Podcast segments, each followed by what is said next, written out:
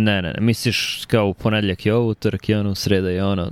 Znaš Šta? što- Kao je na Marginal Revolution, kao, zato što je stvarno bilo u ponedeljak su objavili ono korišćenje e, algoritma za savijanje proteina, onda je utorak bio nešto za COVID, onda je u sredu bili kvantni kompjuteri kineski, A, da, da, u da. četvrtak je bilo da li M1 Mac, tako, tako je bila jedna nedelja gde ono, svaki dan je bilo nešto vrlo Mm, zanimljivo i napredno i Da. značajno. Mislim, danas ali koga to više briga, to je svakodnevna stvar. Danas SpaceX je imao lanciranje nekog špijunskog satelita i opet će raketa da im se vrati na, na tlo na, na Floridi to radi. Tako da, da, ali to je sad standardna stvar. I Moderna prolazi kroz FDA, ali to je standardna stvar, mislim.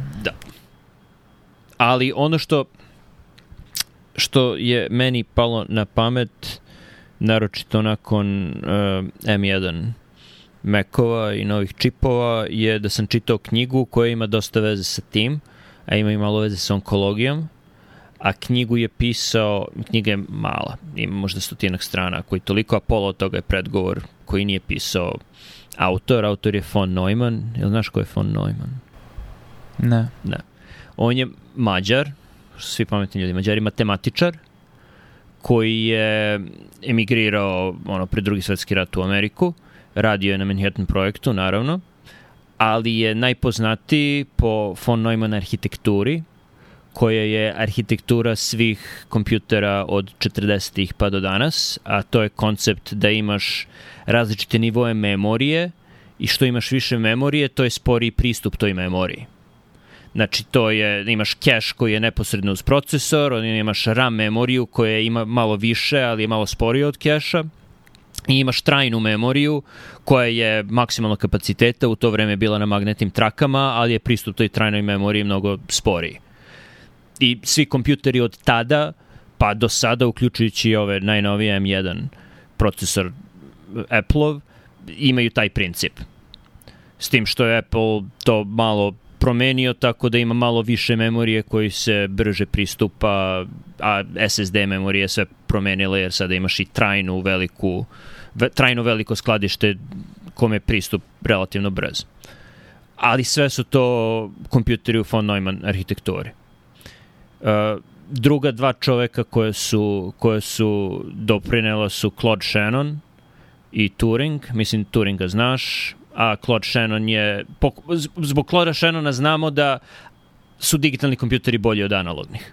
Jednostavno, jer je Claude Shannon pokazao da dokle god ti je e, prenos informacija, ba- bar, bar 1% informacija sačuvaš tokom jednog prenosa, što više povećaš bandwidth, to više to, to je veća šansa da ćeš sve informacije da, da, da proslediš. Možda Zato za, što za je više vremena. kontraargumentacija za digitalne kompjutere bila nepouzdanost uh, informacija.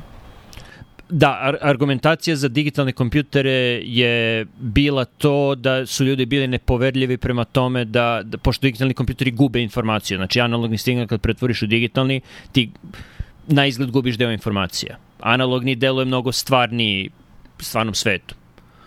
E, mnogo približniji. Ali je problem kod analognih prenos tih podataka, jer kad ti izgubiš neku informaciju u analognom signalu, ne postoji nikakav način da, da, da je vratiš.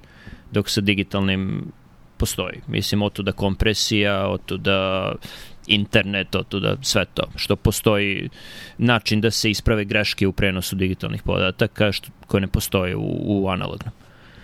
Ali, mislim, nije to. Bi- Bitan je sad von Neumann i on je, on je 50. godina, čini mi se 59. su ga pitali da drži neku seriju predavanja, da li na Harvardu ili na Yale-u, ne sećam se, ali to je neka serija predavanja, 5-6 predavanja koje se drži toku nedelju dve i na kraju tih predavanja napiše se knjiga i to se izda i to se čita. I on je pristao i rekao je da će tema predavanja biti odnos između kompjutera, tada modernih, novih, digitalnih i e, nervnog sistema i neurona.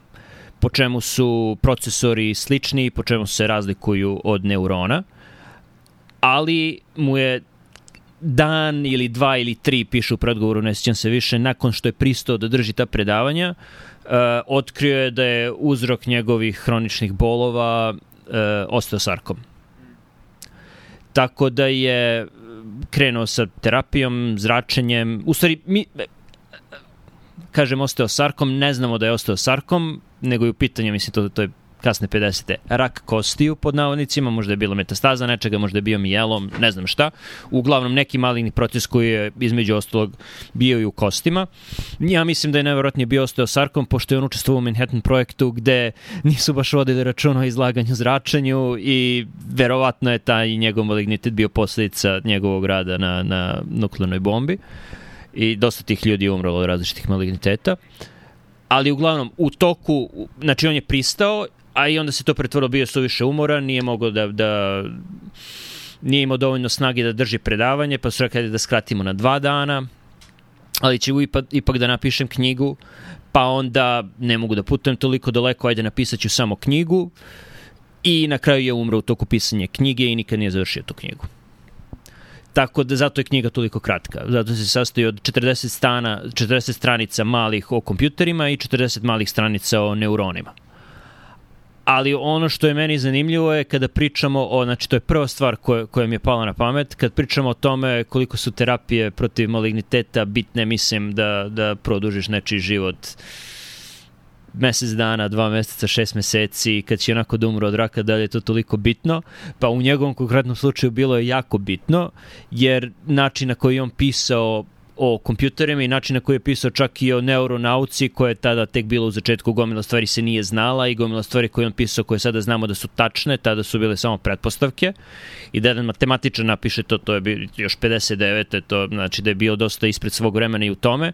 Mislim koliko bi nama značilo da je živeo još 6 meseci, godinu dana, dve godine i razvio ta svoja razmišljanja i koliko bi možda uh, i kompjuterske nauke i neuronauke napredovale brže, nego što su sada.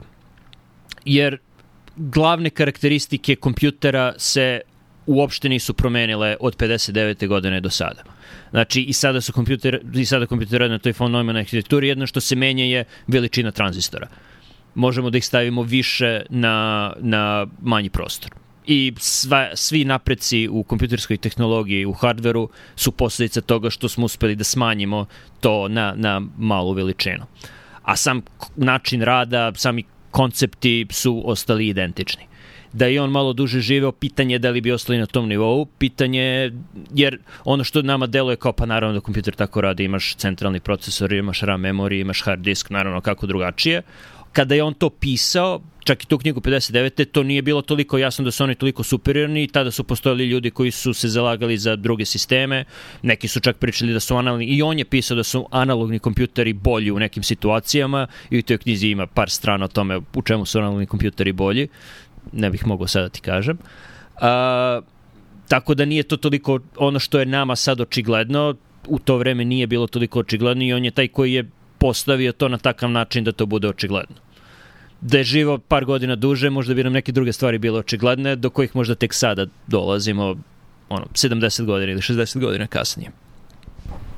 A donekle misliš sada zbog inercije kada se čitav sistem izgradi na određenoj arhitekturi, jako je teško prebaciti se na nešto drugo potencijalno efikasnije, jer bi suštinski podrazumevalo korenitu promenu na svim nivoima, od načina kako se dizajnira hardware, komunicira sa samim sobom, a onda čitava softverska arhitektura povrh toga. Da. Jer postoji, postoje dve, postoji tenzija ljudi da idu u dubinu, odnosno da se što više napreduje u nekom polju i da se bude na ivici znanja. To je jedna tenzija, znači ljudi koji hoće da idu u dubinu i postoji pritisak ljudi koji žele da idu u širinu, da što pre prošire to da bi što više ljudi imalo dobrobit, da ne kažem benefit od te tehnologije. I mislim da je on bio, a, generalno su ređe osobe koje teže ka tome da idu u dubinu i generalno je to teže i kada imaš jednu takvu osobu, treba je, ajde da budem utilitaran, treba što više iskoristiti da se ode što dublje pre nego što različiti interesi ne krenu da, da šire to, jer u jednom trenutku kada nešto postane suviše široko i suviše, i kada se primenjuje suviše, teže je onda ići u, u dubinu. Znači, taj period od 20. do kasnih 50. godina je bio period velikih fluktuacija i menjanja i sve je bilo moguće i onda je taj sistem došao u, u, u tu ravnotežu koju, koju i sada imamo da i on malo duže živeo, možda bi taj sistem ušao u, u neku drugu ravnotežu.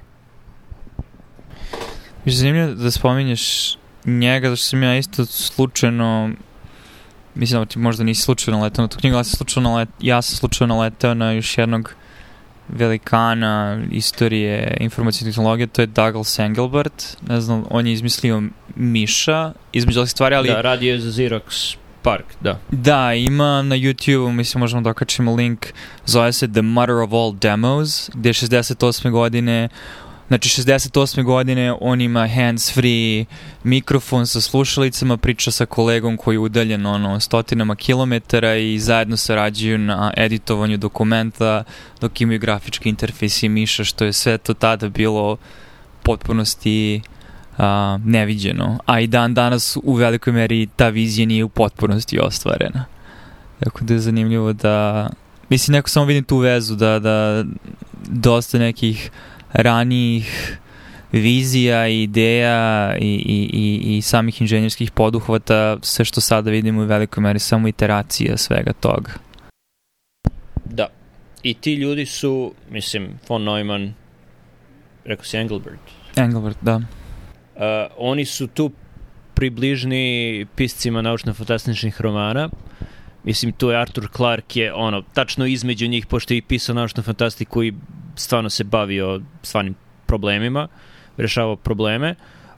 Oni su ti koji zadaju glavnu temu, a onda drugi ljudi šire priču.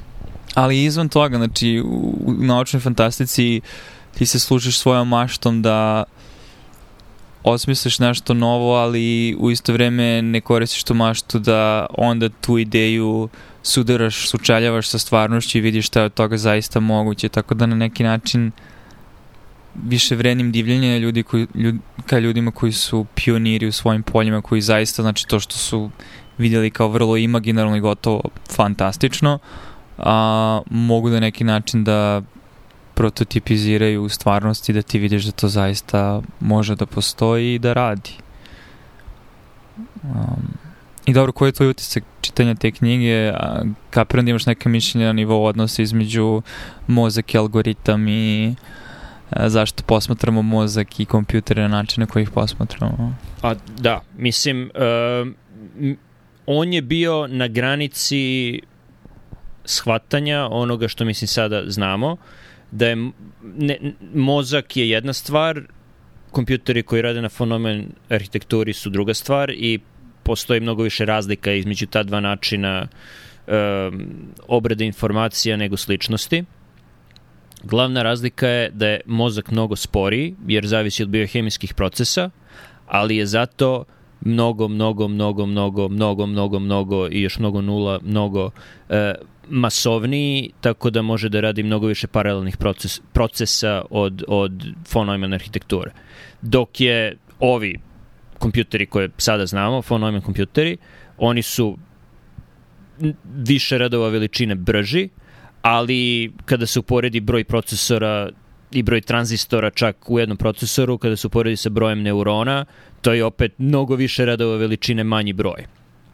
Tako da nam je priroda pokazala da je mnogo bolji način obrade informacije. Mislim, način obrade informacije do koga je priroda došla je sporo, ali mnogobrojno. Ono što mi sada radimo sa kompjuterima je mali broj, čak i kada pričamo ono 16 procesora 16 core, 32 core, 64 core. Kada pričamo o jezgrima procesora, to je opet minoran broj jezgara u odnosu na broj neurona. Ako posmatramo čak i ako posmatramo, ne znam, jedno jezgro kao ne neuron, nego neku grupu neurona, kao neki nukleus u, u mozgu, to je opet jako malo. Ali viš sad, mislim da u istezanju tih metafora u isto vreme istežemo naše, našu opšte percepciju znanja o računarskim tehnologijama jako je bilo korisno da ili ti ja imamo bolje znanje o tome kako se nove arhitekture dizajniraju ili da imamo nekoga ko bi mogao da nas uputi jer sigurno je neko već razmišljao o tome i ono što me zanima je da li ta metafora može da se uzdigne na sledeći nivo abstrakcije, a to je da ne treba da razmišljaš toliko o paralelnim procesorima fizički, koliko o paralelnim procesima i naravno da sad tu na pamet padaju neuralne mreže koje su neki način abstrakcija tih koncepata koji mislim imaju gomile po znacima navoda neurona koji su povezani Mislim da su Ali, neuralne mis... mreže lažni trag. Mislim da su one, one te zavaravaju ka tome da misliš da ok, možemo kompjutere koje sada imamo da napravimo tako da se ponašaju kao nervni sistem, ali mislim da je razlika suštinskija od toga. Razlika je jednostavno u tome da nam potrebno je mnogo više osnovnih jedinica obračuna nego što sada postoje u, u kompjuterskim procesorima. A na osnovu čega to misliš? Kako to misliš? Na osnovu čega si došao do tog zaključka da misliš da... Pošto ja ne znam dovoljno o svemu tome, pa me zanima... Mislim, ja si Pa tako funkcioniše mozak. Mislim, ako, ne, ne, ali, ako gledaš način... na neuron kao na tranzistor, da, da. Što je nesavršena metafora, pošto jedan tranzistor ima jedan unos, jedan, jedan i jedan šta? jedan izlaz. Iznos, nije iznos. Izlaz. Da. Output. Imali smo problem, problem sa tom reči ranije. Da. Ali, ali jedan tranzistor ima, ima jedan dendrit i jedan akson hajde tako da kažemo, dok neuroni imaju mnogo dendrita i obično jedan akson, ali mogu da imaju i više aksona. Tako da i u tom smislu ima mnogo više veza između neurona nego između tranzistora, pod jedan, i pod dva, ako računaš broj neurona u poređenju sa brojem tranzistora, da, mi možemo sad da napakujemo mnogo više tranzistora na, na manji prostor, ali ako gledaš jednu, jedan procesor, ima mnogo manje tranzistora nego što ima neurona u mozgu. Da. Mislim da prvo da preformulišemo, ono što mene zanima je, i to je ono gde mi fali znanje, je da li možemo biti bliži toj metafori sa nivom abstrakcije gde ti u softveru enkodiraš da jedan po znacima navod neuron, to je jedinica, ima gomilu po znacima navoda dendrita. Ne, ti to može da radiš u softveru, ali to, to neće da postigne mnogo toga u, u samom rezultatu jer si ograničen fizikom. Znači, nije u pitanju softver, nije u pitanju dizajn algoritma, u pitanju je fizika. Mislim, intuitivno znam šta, šta hoćeš da kažeš, ali mislim, isto me zanima, znaš, jer postoji razlika između arhitekture CPU-eva i GPU-eva koji su baš dizajneri u tom smeru da rade više paralelnih procesa koji su jednostavniji nego... To je tačno, ali da. i CPU i GPU sve to von Neumann arhitektura, sve to zasnovano na konceptu tranzistora koji su brzi, ali ih ima mnogo manje nego neurona. Znam. Mislim, mislim da argumentacija, pokušam da razjasnim šta, šta, šta, dakle proističe moje moja radoznalost u smislu da me zanima, mislim, verujem, to jest pretpostavljam da sigurno postoje ljudi koji su razmišljali o toj problematici i da li onda u okviru već postojeće von Neumann arhitekture su iznađena relativno bolja rešenja ili je zaista suštinski neophodna duboka promena same arhitekture da bi se ostvario značajan napredak. I čini mi se da ti pokušaš da, na, da argumentuješ to, da je neophodno nešto novo. Da, mislim da je neophodno nešto novo i mislim da da je on živeo par godina duže, možda bi i predložio nešto novo. No. Sad se poslije pitanje da li kvantni računari mogu da idu u tom smeru s obzirom na mogućnost egzistiranja više a, stanja u jednom čvorištu, da tako kažem. A. Da, ili su oni možda nešto treće koje nije približno ni ni von Neumann arhitekturi, ni uh, neuronski mrež. Da. da. Mislim, zanimljivo je pričati o svemu ovome, ali onda stvarno trebalo bi isto proći kroz neki kurs svega toga. Ali dobro, ti čitaš izvornu literaturu, tako da mislim da je to vrlo korisno, ali se plašim da izvijem bilo šta znajući da ono je u velikoj meri moje znanje u svemu tome uh, interpretacija, tuđe interpretacije, znaš, nemam, nemam toliko direktnog upliva u, znaš, niti ni ja nismo išli u, na ETF ili se bavili o, assemblijem i ali smo dovoljno tehnološki pismeni da možda možemo da iznesemo neki vrednostni sud i sa druge strane znamo dovoljno biološkim sistema da možemo da damo perspektivu sa te strane. Da, ali sa druge strane uh, to što da smo išli na ETF i oni koji su išli na ETF, isto kao i sada za medicinu, mislim, išli smo na medicinu, uh, to može da ti bude i hendikep, jer ono, ne znam kako izgleda kurikulum ETF-a, ali sam prilično siguran da se 90% vremena ili 95% vremena razgovora o, o kompjuterima posvećuje upravo von Neumann arhitekturi i da ako je uopšte slično način na koji je nama medicina prezentovana na fakultetu, verovatno i studentima ETF-a von Neumann kompjuterska arhitektura prezentovana kao da je pala sa neba, kao da je to tako. Dogmatično. To, to je, znači to je to, nećemo da pričamo, možda ćemo spomenuti ono što se desilo pre, uh, ovaj, Babbage, da, naravno, Turing, Shannon, ali sve to vodi ka, ka modernim kompjuterima. Tako da to može i da ti suzi misalni proces, tako da razmišljaš samo o kompjuterima kao samo onome što, što sada postoji. Ne znam koliko se na ETF-u bave kvantnim kompjuterima. I pitanje da li se kurikulum ETF-a izmenio za... Pošto mislim ti sad kad porediš kurikulum medicinskog fakulteta, ti ga porediš onog fakulteta koji si ti studirao između, šta, 2004. i 2009. Ili? Prilično sam siguran da je jednako dogmatičan. Mislim, definitivno si pokrenuo zanimljivu temu, ali nažalost razmišljam da li postoji bilo šta što ja mogu da izjavim, a da ne bude mahanje rukama u slobodnom prevodu te reči. Slobodno maši i onako niko ne sluša. pa mislim na neki način, a ovo je više nastavak one tvoje teze koje mislim da mislim, nisi ti verovatno ideni tvorac te teze, ali definitivno si jedan od redkih ljudi u, u polju biomedicine koji se zalaže za to, a to je veće investiranje u bazične nauke, u fiziku, u suštin, nešto što suštinski korenito može da promeni tehnologiju koja nadolazi, koja će dalje onda iznaći nove načine razumevanja bioloških sistema.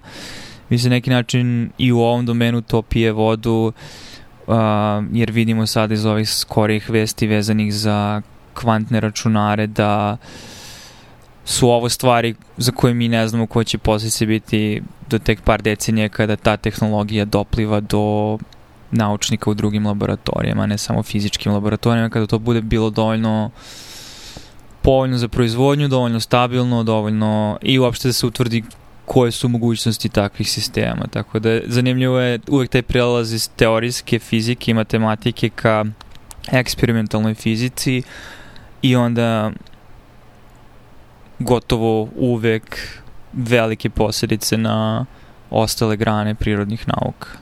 Znaš, kao što kad je Antoni van Leeuwenhoek otkrio mikroskop, to je dovelo do revolucije u našem razumijevanju bolesti, jer si po prvi put nakon, znači 100 godina kasnije tek mogao da gledaš tkiva pod mikroskopom i da vidiš da bolesna tkiva izgledaju različite zdravih tkiva, samim tim postoji patos, to je i postoji nauka o patosu, nauka, to je patologija, a pre toga se pričao o humorima koji tako kroz ljudsko telo, to je tečnostima kojima treba balans puštanjem krvi ili davanjem purgativa. Tako da da, da li će možda znači nove računarske tehnologije, jer same po sebi pre svega jesu nove tehnologije, omogućiti da mi spoznajemo biološke sisteme na neki novi način koje će onda dovesti do promenu u paradigmi o tome šta smatramo bolešću ili zdravljem? Prilično sam siguran da da. I ne moraš da ideš toliko daleko na mikroskop. Mislim, koliko je laser promenio medicinu. No. Mislim, koliko je promenio svet generalno koji je bio potpuno slučajno otkriće fizičara koji su hteli da urade nešto drugo. Mislim, bez lasera i bez um, bez dostignuća u hemiji i pravljanja novih boja za imunohistohemiju ne bismo došli do, mislim, na šta bi ličila hematonkologija, šta bismo znali o limfomima, još uvijek bismo bili na nivou Hodgkin, ne Hodgkin limfoma. Nije se znalo za T i B ćelije dok, dok uh, nisi na flow citometriji mogu, mogu da vidiš različite markere na površini ćelija. Tako da, apsolutno, razvoj tehnologije prethodi bilo kom razvoju nauke, a ne obrnuto. Tako da, bilo šta što može da se uradi za razvoj tehnologije bi trebalo da bude prioritet. Veliki problem je to što je lako reći, ok, hajde da ulažemo više u bazične nauke, hajde da ulažemo više u fiziku, ali kako bi to ulaganje u fiziku izgledalo? Jer ti ako gledaš teorijsku fiziku bar u poslednjih, ne znam, 20-30 godina, zvezdica, nisam fizičar, Uh, dosta, bar u Americi, fizičara se bavilo string teorijom i drugim variacijama na univerzalnu teoriju kosmosa, čega god, koja nije bila apsolutno apsolutno je bila neprimenljiva i nije, nije mogla da se testira. I, mislim, šta, šta je string teorija donela praktično? Ništa. Donela je puno doktorskih teza, ljudi koji, nakon što postanu redovni profesori, imaju posao do, za života i, i ne rade više ništa drugo. Tako da, da ne, ne znam kako bi to bolje i veće ulaganje u bazičnu nauku izgledalo. A možda mislim, stvari, zavisi koje ti ono a priori stav u smislu da li je rađenje fizičkog genija poput Newtona ili matematičkog genija. A, slučajnost ili veruješ u to da postoji određena učestalost takvih ljudi u populaciji i onda da li sa porastom ljudske populacije stvari postoje više takvih ljudi na ovoj planeti, samo što trenutan način organizacije, društvo i društvene vrednosti nisu možda najprijemčiviji da ti ljudi dođu u kontakt sa teorijskom fizikom, tako da bi, ako, ako to a priori stav, onda bi rešenje potencijalno bilo identifikacija što ranija deci i mladih sa tim sklonostima i njihova podrška, jer sama po sebi teorijska fizika, kada pričamo po znacima navodu investiciji, zahteva samo da nekomu bezbediš koliko toliko pristojan život da može da provede ostatak svog života razmišljajući duboko o, o, o teškim problemima. Ali, mm, ono što se meni čini sa druge strane je da, da, mislim, Newton, Einstein, koji u glavi imamo kao, ok, oni su došli do velikih teorija, da li su oni bili samo teorijski fizičari, Einstein možda jeste, Newton sigurno nije. Ali većina teorija se opet zasnova na, ličnom iskustvu. Mislim, Einstein je jako razmišljao o tome kako svetlo sputuje i kako izgleda kad ide niz voz, zato što se u to vreme gradilo puno pruga i ljudi su imali konkretne razgovore o tome i konkretne probleme o vremenu, sinhronizaciji vremena, to, to, je, to su bile velike teme tada. Mislim, sa, sa prelaska sa 19. na 20. veka.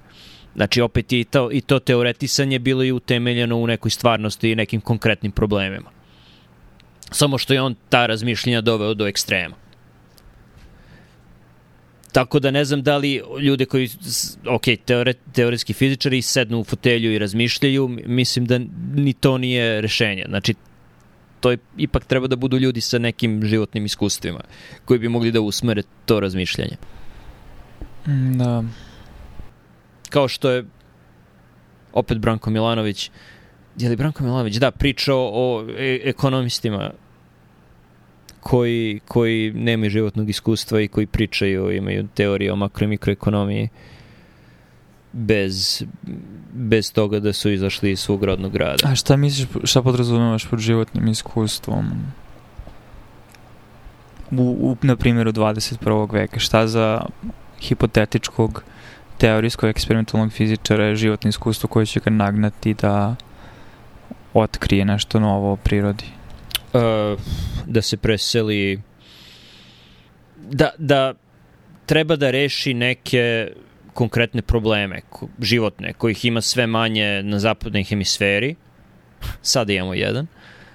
Ali mi, mislim da je generalno uh, zemlje u razvoju pod navodnicima su bolje mesto za, za sticanje životnog iskustva. Gde mi je Kina najbolji primer, gde sam siguran da sada u Kini postoji gomila ljudi koji rešavaju konkretne probleme u izgradnji infrastrukture, u zagađenju, u kontroli populacije, čemu god.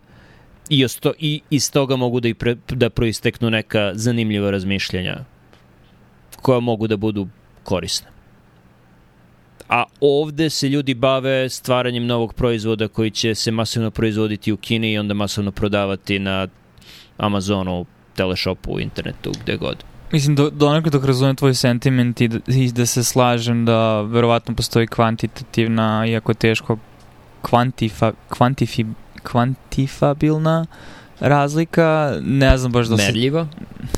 Hvala. Profesor, da, merljivo. A, sa druge strane, mislim da je velika, veliko, velika simplifikacija govoreći o tome da se ovde isključivo traži, da je isključivo posticaj distribucija novih proizvoda na ja, novo dolazeće tržišta.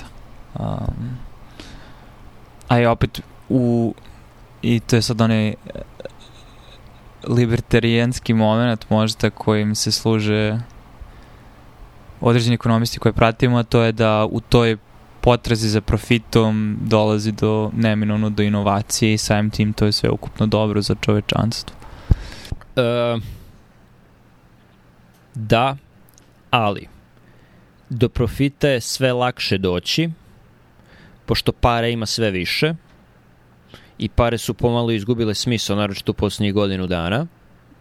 Šta je novac? Mislim da od zlatnog standarda više nije merljivo tralala, ali sada se za vreme pandemije naročito pokazalo koliko je novac besmislen, da u trenutku kada je ekonomija na najnižem nivou u poslednjih nekoliko decenija, da je berza na najvišem nivou. Šta to znači? Znači da su pare izgubile smisao koje su nekada imale. Kakav smisao sada imaju, ne znam, ali imaju suštinski drugačije značenje i smisao nego što su imali pre 20, 30, 40 godina.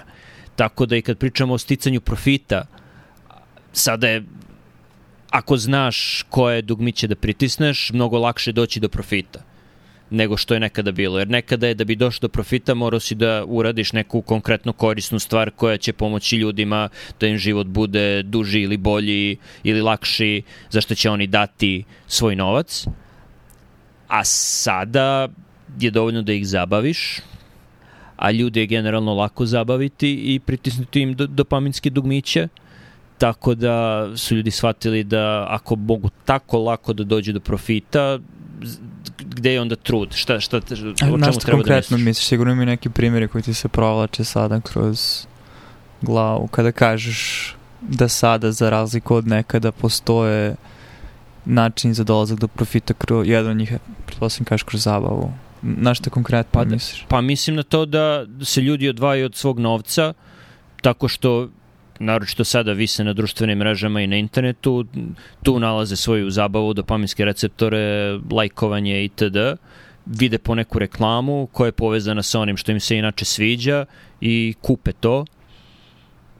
Mislim, to, to je, to je glavno, gla, glavni način sticanja profita sada, u Americi bar. Ok, znači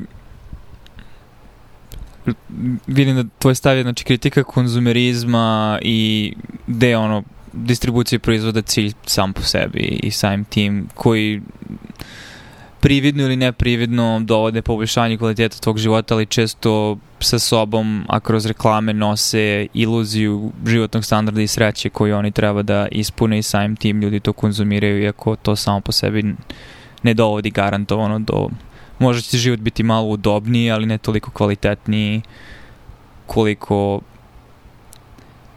Ne čak You're left to believe. pa da, mislim, to je još, još jedna stvar koju imaš u kući. Dosta ljudi koje znamo, mislim, naručuju stvari i gomilaju stvari u kući, a da nikad i ne otvore te pakete. Znači, samo to, sam, sam cilj naručivanja im predstavlja zadovoljstvo.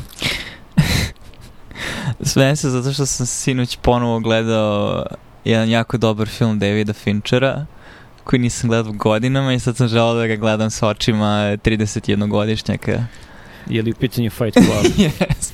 Tako da mi je jako teško da trenutno tvoje reči odvojim od tvog pogleda na neki način, a to je ono kritike korporativne Amerike i konzumerističkog društva, pogotovo s krajem 20. veka ili tekako i sada, gde on ispunjen Ikea namešte. Zanimljivo koliko i 20 godina kasnije mnoge stvari, mnoge teme tog filma su ne samo postale jasnije, nego čak i prevalentniji deo norme. Znaš, dok je opremanje tvog stana Ikea nameštaje možda bilo u okviru corporate dronova srednje i više srednje klase, sad je distribuirano na, na, na sve slojeve društva i svuda u svetu. Mm, čak i na zemlje koje ne pripadaju zapadnoj Evropi i Severnoj Americi. To je, to je zabrinjavajuće. Da, da. Tako da nakon što završimo podcast, tražit ću da me udariš.